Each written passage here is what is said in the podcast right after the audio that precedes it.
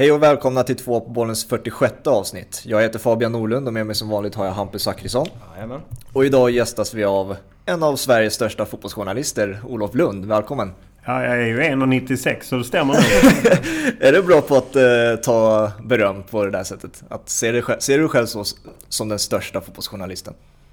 Jag tror inte det finns någon som är längre än vad jag är. Att, eh, som skriver om fotboll. Så att, eh, på det sättet är jag väl eh, längst. Mm. Ja. Hur är läget? Ja men det är ju i väldigt konstiga tider får man väl ändå säga. Eh, ja, det är att ingen fotboll och det som vi hade sett fram emot. Och mm. Man vet inte riktigt när det kommer igång. Och, och just en stor osäkerhet som eh, påverkar fotbollen, påverkar eh, mediebranschen där jag jobbar och, och så. Så att det är klart att det är konstigt. Mm. Innan vi drar igång eh, avsnittet och intervjun så brukar vi alltid ha en tradition med att vi nämner en fotbollsspelare eh, med samma nummer som avsnittet är. Och som sagt är det 46 avsnittet idag och i och med att du är Leeds-supporter så har vi en eh, Leeds-koppling till eh, avsnittet som Hampus kan ta. Ja, det är då Jimmy Shackleton som eh, har nummer 46 i eh, i Leeds och det är kanske sista gången vi, eh, vi gör det här med spelarnummer i och med att det börjar bli rätt trötta spelare. Så att eh, Jimmy Shackleton får, får äran att vara den sista spelaren. Har du har någon vidare koll på Shackleton? Ja, men han var rätt bra inhoppare och spelat någon, några matcher från start. Men jag hade inte koll. Jag är dålig på sånt med tröjnummer. Det är inte det jag är mest besatt av. Men eh, absolut har jag koll på Shackleton som Bielsa gärna använt som just avbytare jag någonsin ätit. Oj jäklar. Jag tyckte den var okej. Det kan du. Du kan inte, inte tycka att den är okej. Den var inte bra faktiskt. Den är inte ens nära en stampad geting. Om vi börjar med Leeds då. Varför blev det ditt lag så att säga? Ja, det är ju sånt man aldrig riktigt vet. Eh, eller vissa kanske vet. Jag vet inte. Jag köpte en Leeds-halsduk när jag var i England 1976 eh, i februari. Och eh, då var ju i efterhand kan man ju läsa sig till att då var ju Leeds lite på dekis. Liksom de, stjärnorna hade flyttat efter 65 till 75 får man, kan man utan tvekan säga att de var ett av Europas bästa lag och vann ju ligan två gånger och spelade Europacupfinal, cupfinal, cupfinal och vann Föregångaren till Uefa-cupen som heter MES-cupen två gånger och ligacup och FA-cup.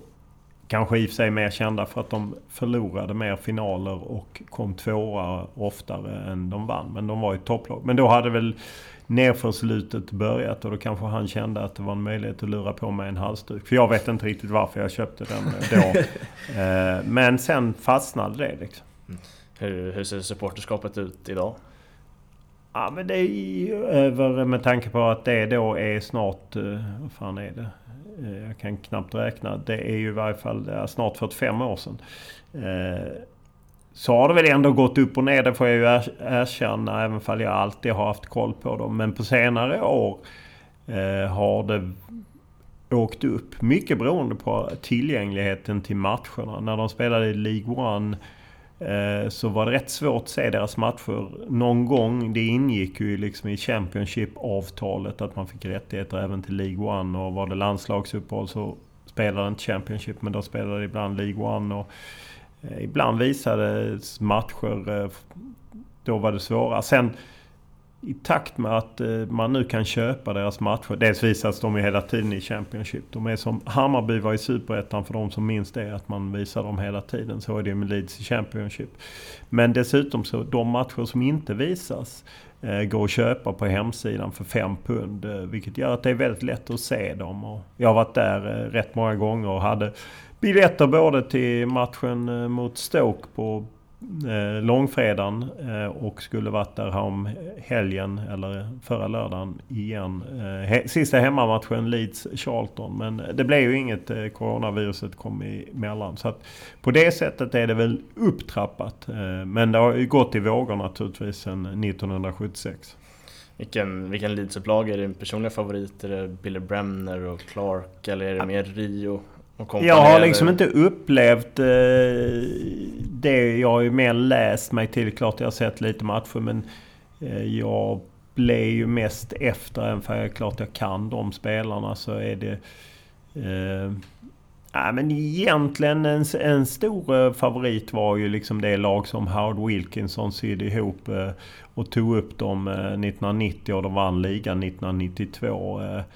Eh, det, där kan jag ju i princip laguppställning fortfarande. Och på något sätt var det ju innan fotbollen hade blivit dels ännu mer globaliserad, det vill säga, och sen också att det är ett tempo på att byta ut spelare idag som inte det var på den tiden. Eh, så att, men sen är det klart att man tyckte det var häftigt också med David O'Leary och med alla de unga Woodgate och Smith och Kewell och Boyer och liknande. Och när de ju nådde både Uefa Cup semifinal och Champions League semifinal. Och sen var det ju ett eh, fall ner.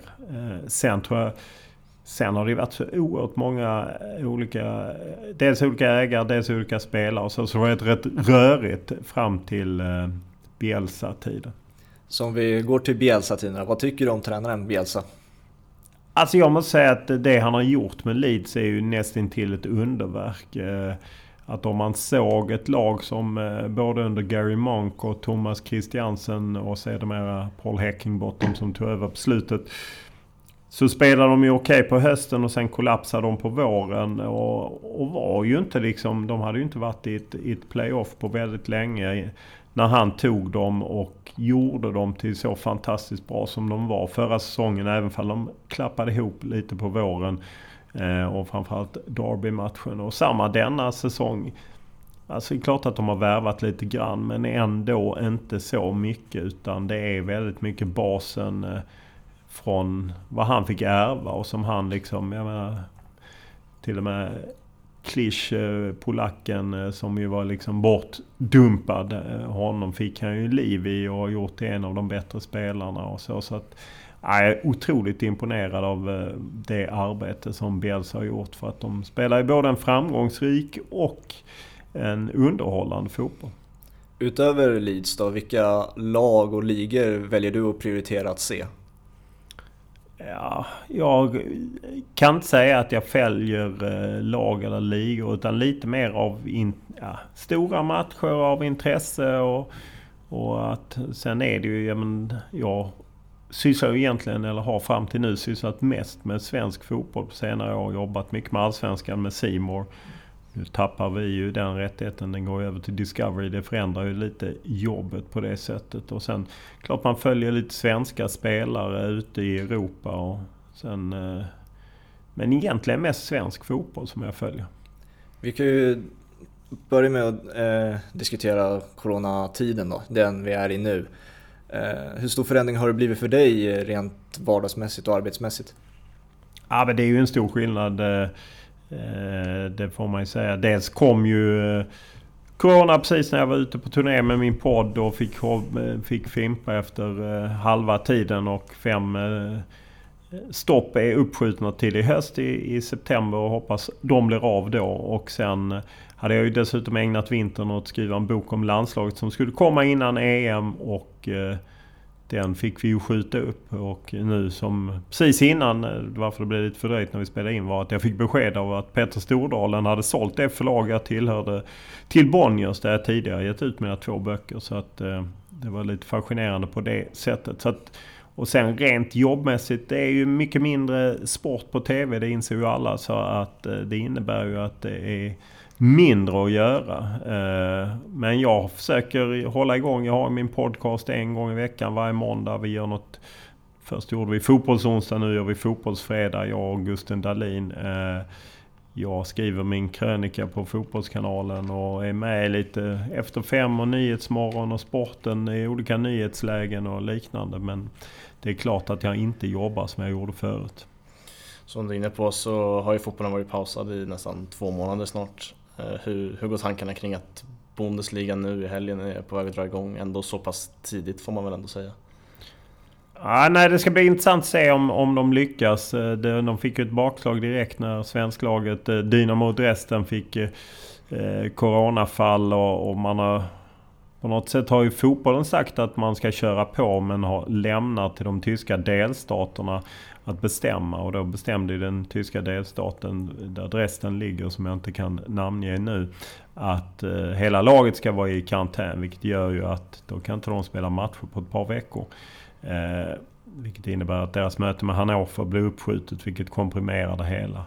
Jag är ju ja, men jag är lite spänd på, eh, på om tyskarna lyckas med att få igång Bundesliga. Eh, VDn för Bundesliga sa ju att de ska köra på eh, oavsett liksom. Och, och det är ju det är väldigt stora värden och sen finns det de som säger att det fin- Jag menar, inga pengar i världen kan eh, vara värda att vi riskerar liv. Och, ja, det är väldigt det är svårt och jag undrar liksom klarar samhällen en, en lockdown igen? Att säga att det kommer mer eh, smitta och att man ska stänga ner igen. Jag undrar om folk klarar det. Så att eh, kanske den tyska modellen är, är vägen. Men eh, det är onekligen ett test.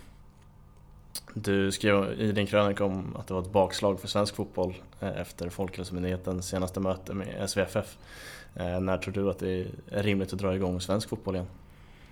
Jag har svårt att se att svensk fotboll skulle få ett besked eh, denna vecka. Det är slutet på veckan.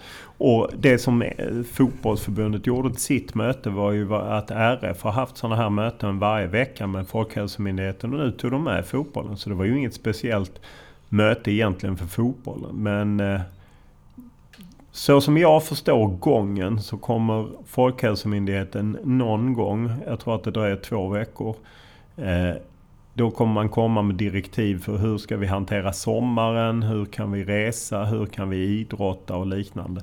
Och då kommer man ge RF i uppdrag att liksom bedöma Ja men kanot är ju kanske lättare eller golf är ju kanske lättare jämfört med fotboll. Och det här måste vara uppnått för att vi ska kunna spela fotboll. Så att, och då kanske man skippar kuppen helt eh, och och ändå försöker hålla sig till mitten på juni därför att eh, det är ju många klubbar som behöver de pengarna som då skulle komma in från eh, de två stora partners, eh, TV-bolaget Discovery och spelbolaget Unibet. Mm. skamlig journalistik. Det är sånt Ekwall gillar men jag tar avstånd. Hur mycket fotboll spelar du själv? Inget. Ingenting? Har du en tidigare fotbollskarriär från när du var yngre eller hur såg den? Du... Nej, det kan man inte säga. Jag tränade lite. Någon säsong gjorde jag i Lundsborgs. Men i, när jag växte upp så spelade alla handboll. Lund är liksom mer av en handbollsstad. Så jag spelade handboll eh, tills jag gick kanske i nionde klass. Sen är det klart att man har spelat fotboll. Eh, att man höll igång när man var... Vi spelade mycket spontanfotboll och även korpfotboll och, och eh, eh, studentserier fanns det och jag hade några kompisar som startade, eller bekanta mer till mig, kompisars kompisar. Som startade ett lag som hette Lokomotiv Lund där jag gjorde någon, en eller två matcher. Det kan, kan det varit sexan eller något sånt. Mm. Men eh, nej, jag har inte... Någon framgångsrik idrottskarriär har jag inte bakom mig. Var föddes fotbollsintresset någonstans ifrån? Nej, sånt jag inte kan förklara heller. Utan det bara... Det bara fanns där när jag, som jag minns. Okay. För du började ju med journalistik ganska sent eh, ändå. Du testade ju på andra karriärer. Du ägde en restaurang om jag inte minns helt fel. Ja, alltså jag jobbade i restaurangbranschen och sen under ett eh, halvår så eh, drev jag och två kompisar en restaurang. Och sen när vi skulle köpa den, det blev aldrig någonting. Men efter det lämnade jag restaurangbranschen. Jag tröttnade. Detta var 94. Så började jag läsa journalistik istället. Så att absolut, jag var väldigt sen. Jag var inte färdig journalist förrän jag var 30. Så att, varför eh, föddes eh, det intresset av journalistik då?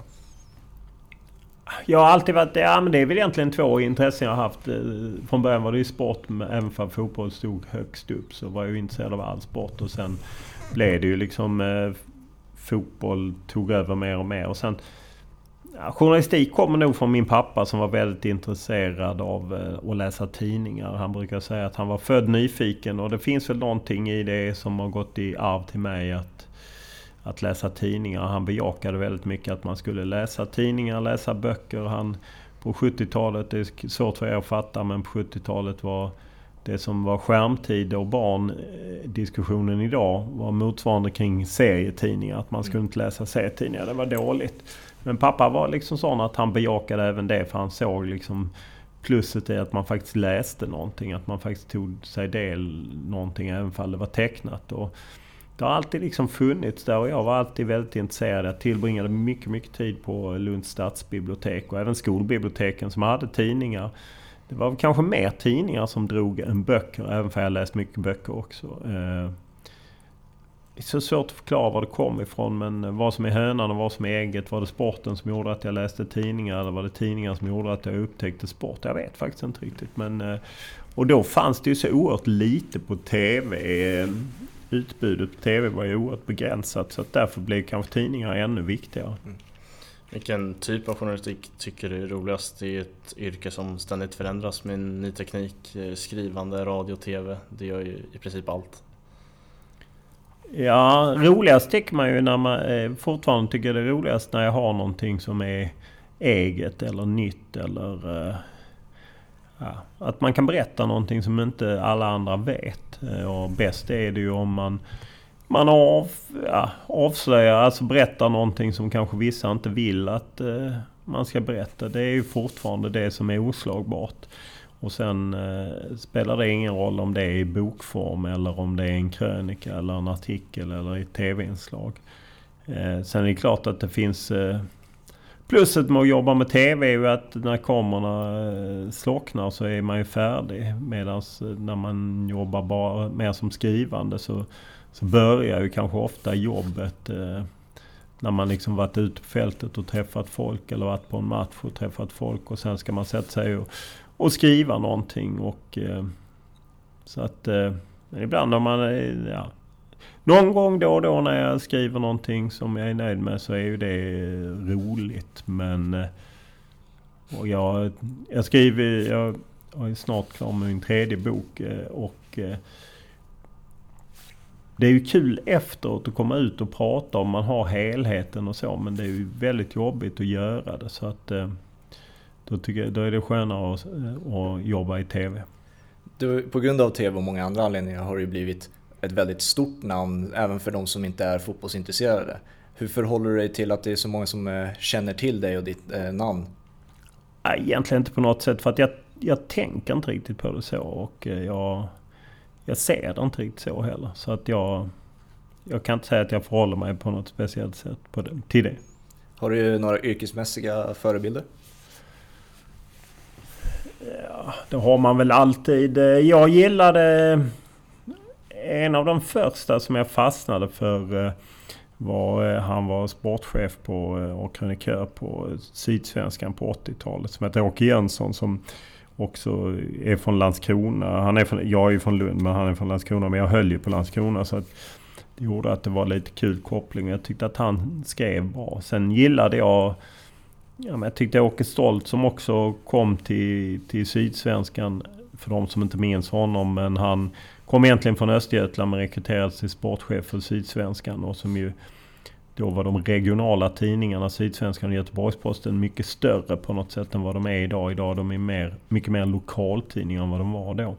Men han tog liksom strid med dels med Malmö FF. Och han var rätt tuff och hård och ja, men stridbar. Vågade gå in i saker. Det kunde jag gilla. Sen eh, Mats Olsson eh, eh, på Expressen som ju kom 1990 som sportkrönikör. Han har skrivit massa annat i Expressen och varit i USA och så. Men när han blev sportkrönikör, det var liksom stort för han kom in med något helt eget. Så det är klart att sådana som jag har läst har ju, har ju på ett sätt format en. Sen tycker jag det finns väldigt många eh, duktiga liksom, journalister eh, som, som jag läser med glädje liksom. Eh, så att jag... Men allt från Offside-gänget, många av de som har jobbat på Offside tycker jag är väldigt bra. Och Simon Bank gillar jag verkligen att läsa. Jag gillar Ekvall med hans stil. Och kan respektera sådana lite äldre som Peter Wennman, Mats Wennerholm. Eh, sådana som är, framförallt Mats Wennerholm, som är ute i omklädningsrummet. Nu skriver han inte fotboll, men ute i omklädningsrummet, är ute på marken, på fältet, runt och träffar folk. Och, mm Eh, ja. Så att det, det, finns många. När du gästade på den Värvet eh, så nämnde du att du var sugen eh, på att testa på något nytt och bevaka ett lag eller spelare eh, så här, utomlands för som gör en, att göra en stor förändring. Om du skulle få välja helt fritt, vem eller vilket lag skulle du vilja följa då? Nej, men det är ju klart att det hade varit kul och eftersom jag är man född på 60-talet och vuxit upp eh, med Tipsextra så är i så fall fotbollen i England är ju något speciellt och att jag har en annan relation till, till fotbollen i England. Och att, eh, att ett, ett lag i England hade ju varit häftigt att följa. Lite som ja, men Beat Reporter. Jag kan ju. Eller att man skulle följa ett proffslag i, i USA. Eh, jag kan vara avundsjuk på liksom Johanna Frändén som fick den möjligheten med, med Zlatan i både Barcelona och Paris Saint-Germain. Alltså det finns ju plus och minus med det givetvis. Men att, att det roliga eller det, utmanande att följa någonting från ax till limpa under en hel säsong kan jag, vara, kan jag tycka är roligt. Och, eh, att liksom, för det är då man fångar upp alla små skiftningar och alla små grejer och man liksom ja, små grejer som man kan fånga upp och använda senare. Är det någonting du kan sakna med det du gör i, idag? Ja, den rollen finns Ja, det är klart jobbar du på eh, Sydsvenskan och du bara har ansvar för Malmö FF så det är klart att då är det som att vara beat reporter. Eh, för de har väl det så. Jag tror inte Maxima gör så mycket annat. Och samma har det, är det väl på en del lokaltidningar runt om i landet. Så att, Ja, det är klart att jag kan sakna den närheten ibland. Att jag inte är nere på så många träningar. Att eh, under mina 20 år som journalist, eller dryga 20 år som journalist, så har ju produktiviteten ökat många hundra procent. Och det är klart att man hinner inte göra fullt så mycket som man hade kanske velat göra för att man på olika sätt sitter fast i att man ska göra det och man ska göra det och man ska jaga gäster och man ska göra... Det är väldigt mycket tid som går åt och man hinner liksom inte hänga på träningar och, och liknande. Om man ser till allsvenska lag. Jag är ju ofta på landslagets träningar. Så. Mm. Eh, jag tänkte att vi kunde diskutera Fotbollskanalen lite. 2006 eh, var du med och drog igång den. Eh, vad var målet där och då när du drog igång den? Ja, men tanken var att eh, våren 2006 eh, så köpte TV4 en väldig massa fotbollsrättigheter. Eh, framförallt svenska. Eh, man gick in i svensk fotboll och då insåg man att vi behöver finnas på nätet också så att eh, då hade man en arbetsgrupp här i huset där alla eh, satt och spånade och någon spånade fram namnet Fotbollskanalen. Eh, och det namnet satte man på eh, VM-sajten 2006 och sen behövde man någon att driva den och, och, då frågade man mig och så sa man att om du får upp den att fungera både med ekonomi och publicistiskt så på ett halvår så får du en anställning, liksom fast anställning. Så att då, då hoppade jag på det och eh, Sen fanns det liksom nog inte så mycket mer mål än att man... Då hade man en helt annan strategi kring det man då kallar nya medier som idag är väl digitalt och så. Att, att man hade en tanke att man skulle ha en massa olika, eh, ett slags solsystem av olika sajter som skulle ge trafik till varandra. Man kan väl ärligt säga att det inte funkade. Men Fotbollskanalen lyfte faktiskt och eh, jag fick fart på den ihop med några andra och eh, eh och sen var jag med och drev den eh, ihop med en hel del andra fram till 2013. Då jag bara... Det blev för mycket med allt eh, journalistiskt jobb och allting. Att jag orkade inte riktigt. Jag var faktiskt på väg att gå tillbaka till Expressen då men eh, då blev det att man liksom lät mig bara syssla med journalistik eh, efter det. Och så kom det in en Tobias Rosvall som nu driver Fotbollskanalen som verkligen utvecklat den ytterligare på en jädra massa sätt. Vad var nyckeln till, tror du, att den lyckades då, Fotbollskanalen? Det var eh, i grunden att vi hade ett innehåll eh, som... För vi började ju lansera den ihop med att man körde ett, ett söndagsprogram som de två första åren hette Fotbollskanalen. Sen hette den Fotbollskanalen Europa. Och jag var ju med i massa program med, med dator för att ta in kommentarer och liknande. Det var väl sin sak att man fick hjälp av TV4 men det viktiga var ju att vi hade innehåll som fanns, att det fanns innehåll 24-7. Inte bara kopplat till TV-programmen. För det var väldigt lätt eh, på TV4 då. Då trodde man att liksom om vi skiner med TV4 liksom på en sajt. Ja, det är klart då kommer folk gå in. Men ska man få folk att gå in fler gånger så måste man finna, måste finnas innehåll. Ja, vi hade mycket nyheter. Jag jag jobbade väldigt mycket under den tiden. Eh, och drev på eh, nyhetsverksamheten för att det var nyheter som gav eko och gav cred i andra medier som gjorde att folk sakta men säkert började... De som var fotbollsintresserade började lägga till, till um, uh, fotbollskanalen liksom. Och jag menar då, jag vet första veckorna när jag fick lära mig i efterhand att de hade typ 25 000 unika besökare, 30 000 unika besökare på en vecka. Och jag minns när vi gick över 100 000 första gången eh, i samband, ja, mindre än ett år senare i samband med att Fylledansken hoppade in på planen och det blev kaos på parken. Det var första gången vi var över 100 000 på en vecka. Och sen har vi tagit sådana etapper och nu ligger den ofta över 500 000 upp mot 600 000 unika i en vecka. Så att eh,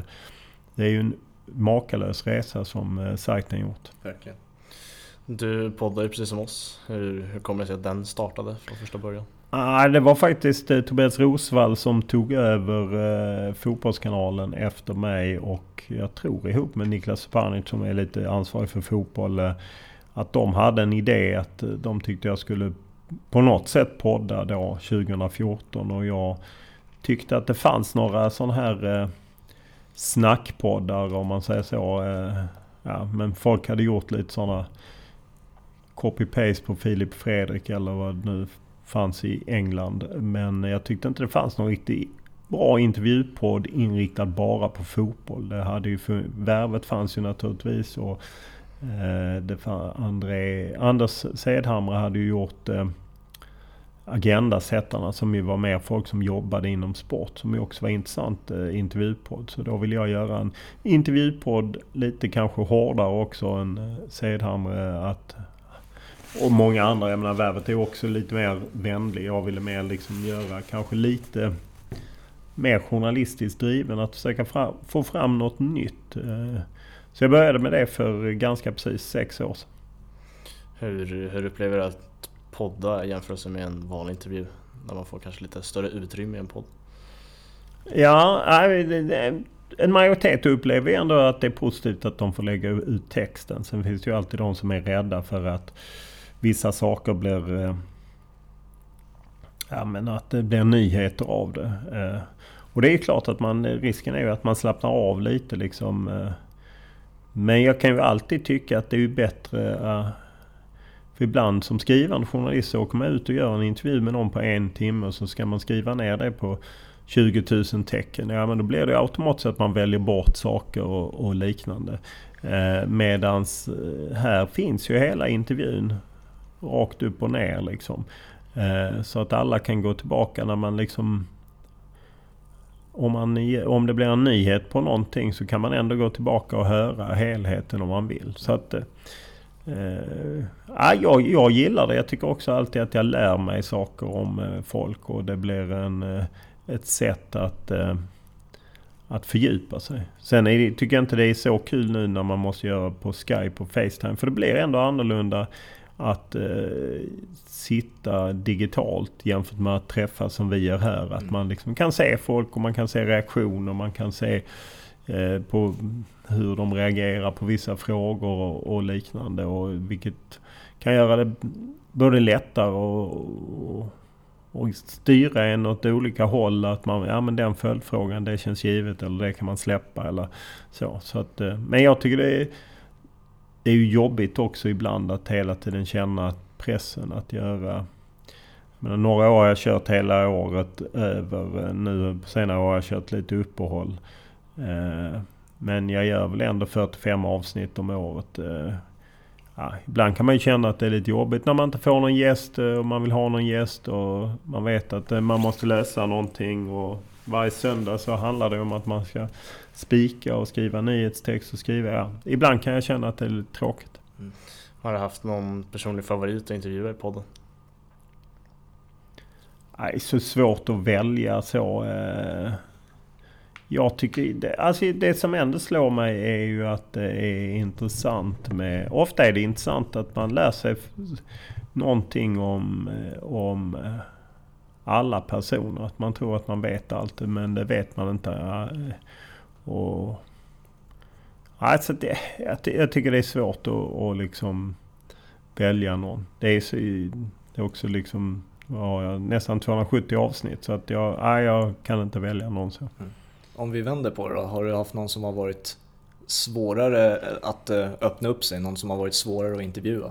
Ja, absolut finns det ju dem. Ja, men man kan ju rent... Det, ja, jag men, lite yngre spelare har ju inte alltid så mycket liksom att reflektera kring. Egentligen kan man inte... Jag kan inte klandra någon. Utan det, det är ju nästan alltid roligare för att återvända till nu när jag tänker på det. Ja, men några avsnitt som jag tyckte var väldigt bra gjorde jag sommaren 2015. Jag gjorde lite mer retroavsnitt. Mm. Staffan Tapp om VM74, Ronny Hellström om VM78, Anette Börjesson om EM84. De, det tyckte jag var jävligt roligt att man gick så. Men de var inte så lyssnade på, vilket jag tycker var synd. Därför att eh, både Staffan Tapp har ju liksom en fantastisk berättelse. Och det är klart att han med sin detta är ju då väldigt långt efter VM 74 och han har varit både ledare i Malmö och sen men han har en trygghet och kan liksom titta tillbaka och eh, inte så nervös och har massa upplevelser. Medan det är klart, är man ett 19-årigt stjärnskott så har man inte varit med om lika många saker. Och Sen kan det vara ett, en tidsmarkör men det är ju alltid svårare. Sen finns det de som inte men de flesta som inte vill svara, de är inte med på podden. Alltså ibland blir jag, tackar de nej av, ja men jag...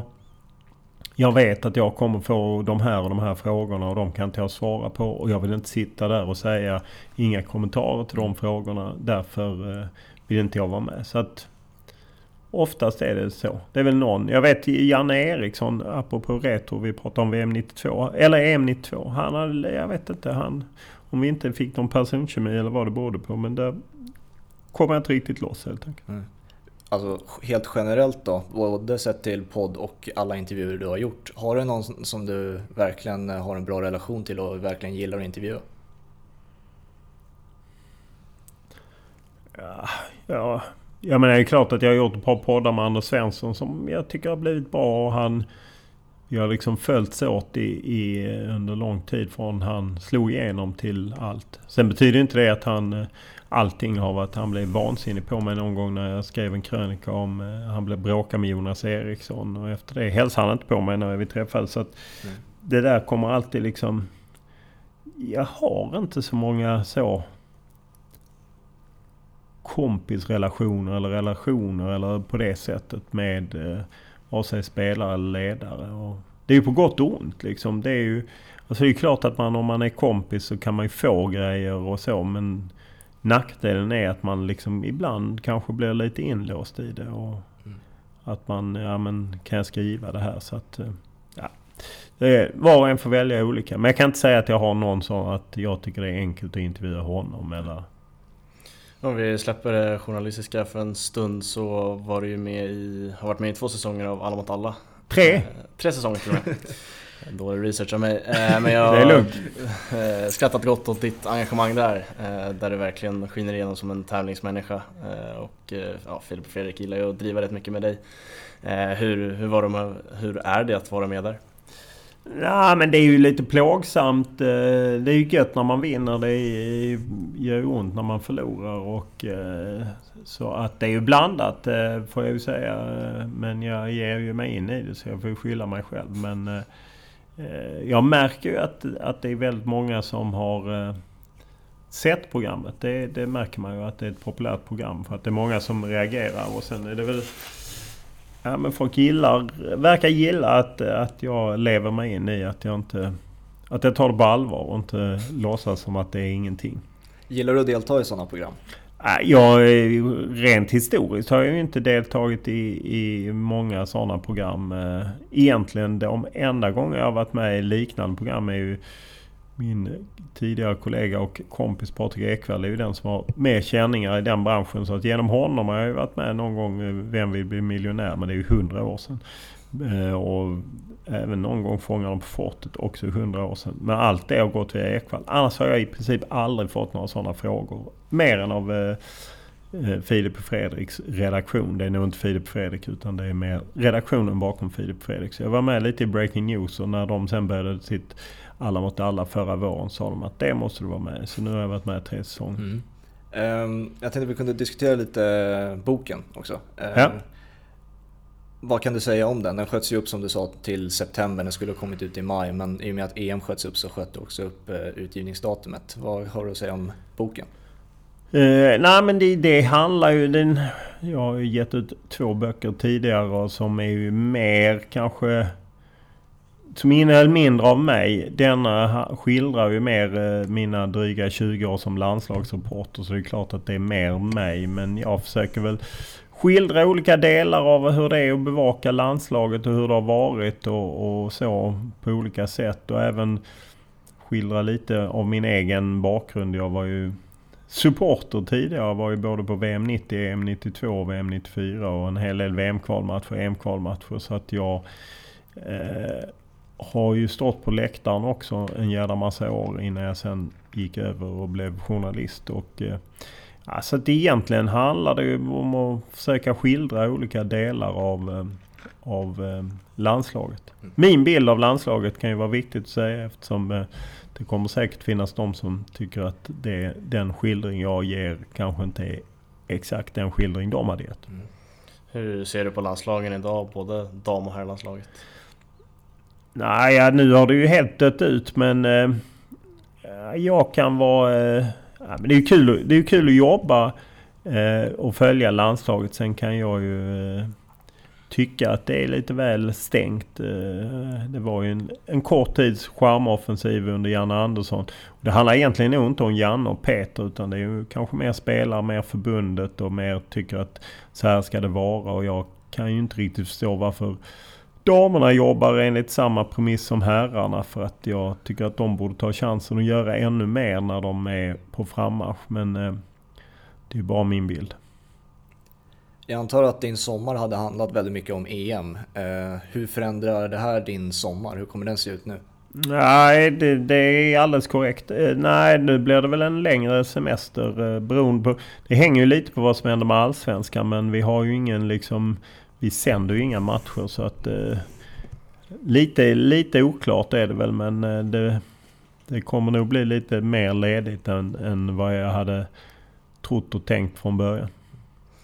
Eh, under tiden du bevakar landslaget och Zlatan framförallt eh, så hamnade du i clinch med honom under en presskonferens 2015. Hur upplevde du den situationen och hur ser du tillbaka på den idag? Ja, och det, det var ju den och, och, några andra. Det var ju det när han blev som mest irriterad.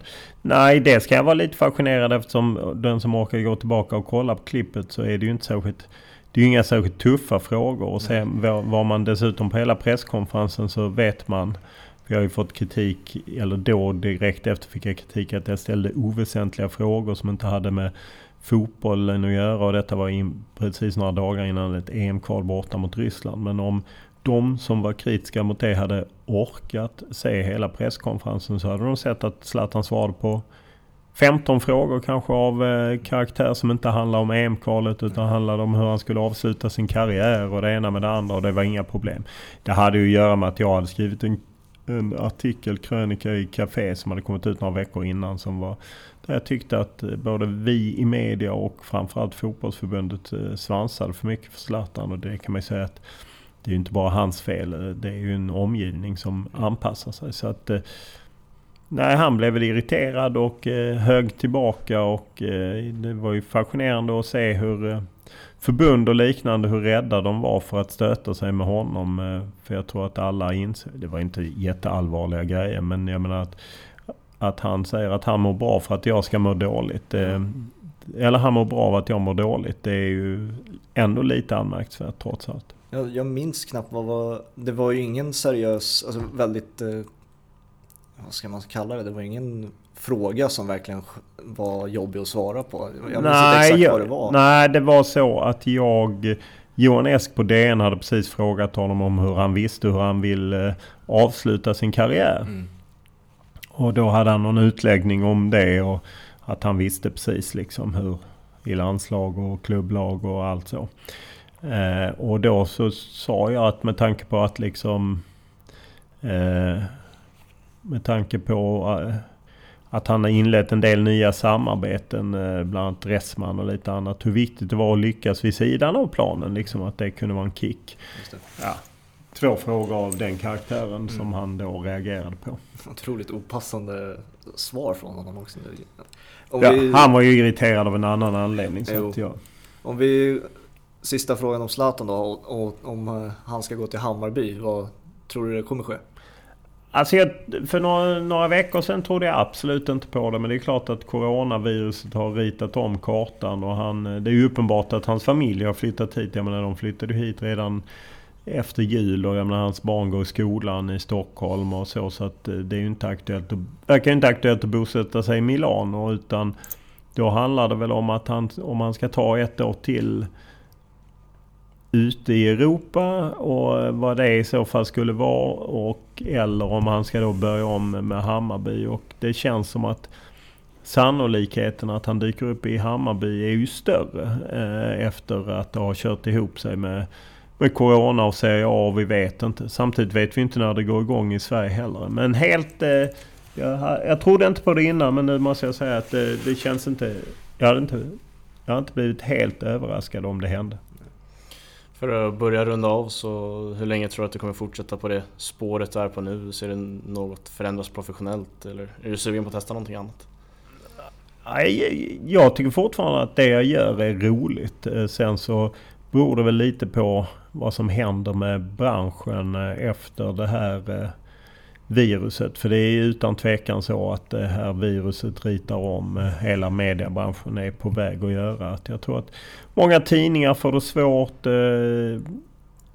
Ja, jag menar jag inser att TV4 och Simor om vi liksom har vi inga matcher att visa att det är svårt att ha få snurr på den verksamheten. Hur länge kommer den här pandemin påverka samhället och så. så att ah, jag brukar inte titta så långt fram utan eh, just nu har jag... Eh, jag hade EM och boken som liksom eh, mål för denna våren och, och turnén. Och nu har jag liksom turnén i, i september, boken i september och förhoppningsvis har liksom ligaspel och sånt gått igång i, i september. Och sen ja, får man se efter det. Så att jag, jag tänker inte så långt i förväg. Är det någonting du ser äh, nu inom kort som du ser fram emot att göra? Har du något, någonting du ska göra? Nej, jag kan inte säga eftersom det finns ju ingenting riktigt att se fram emot just nu. Eh, ja, om inte allsvenskan eller liksom det skulle komma igång så känns det ju så. Alltså på kort sikt så finns det ju inget riktigt så att man, man längtar ju tills att den här skiten ska lätta så att eh, det blir mer fotboll, blir mer eh, någon slags normalitet eller som man återvänder till. Utan, eh, eh så att, eh, sen ser jag fram emot att, att få ut min bok, eh, även om det dröjer då till andra sidan sommaren. Att, ja, det är alltid en eh, lång och eh, späckad eh, process att skriva en bok. Och ja, men liksom få ut den är ändå en väldigt skön känsla. Så att, eh, eh, så det är väl i så fall det som jag kan titta fram emot. Men eh, ännu så länge är ju inte... Jag är inte helt färdig men jag kommer ju av mig lite liksom jobbmässigt med boken i och med att eh, EM sköts upp. Vi sitter och spelar in det här på måndagen, eh, släpps antagligen på onsdagen och sen på lördag har vi Bundesliga som drar igång. Eh, hur kommer du följa det? Det är mycket snack på Twitter om vilket lag man ska följa beroende på vilken person, person man är och sådär och lite guider. Eh, har du något lag du kommer följa extra sådär? Ja, det är ju lite konstigt med Bundesliga som aldrig eh, liksom lyft riktigt i Sverige. Det kanske man de kan få en jättechans nu när de är först ut. Eh, och, och, det är klart att det finns... Jag har, jag har varit några gånger på Bökelberg när eh, det var svenskar som spelade i Borussia Mönchengladbach. Och jag, på något sätt gillar jag lite Borussia Mönchengladbach. Eh, finns någonting eh, i, i det ja, kring laget. Ändå lite mindre klubb, mindre stad. Men eh, jädra tryck. Eh, jag har inte varit på deras nya arena som väl nästan är dubbelt så stor som Bökelberg. Eh, så att det är väl egentligen eh, om det är något lag i, i Tyskland som jag har ett litet öga på så är det Borussia Mönchengladbach. Mer egentligen för att det var mycket svenska. Dalin var där, Jörgen Pettersson, Patrik Andersson. Att det blev på något sätt. Så tyckte jag de hade lite coola dräkter också. Ja, avslutningsvis då, eh, för alla som eh, lyssnar, var kan vi hitta dig någonstans på vilka sociala medier då? Jag finns på Twitter eh, under Olof Lund och i ett ord och samma på Instagram med Olof Lund under ett ord. Det är de två sociala medier jag är. Facebook har jag inte varit aktiv. Det stängde jag ner för 6-7 år sedan. Och jag har inte gett mig in på TikTok.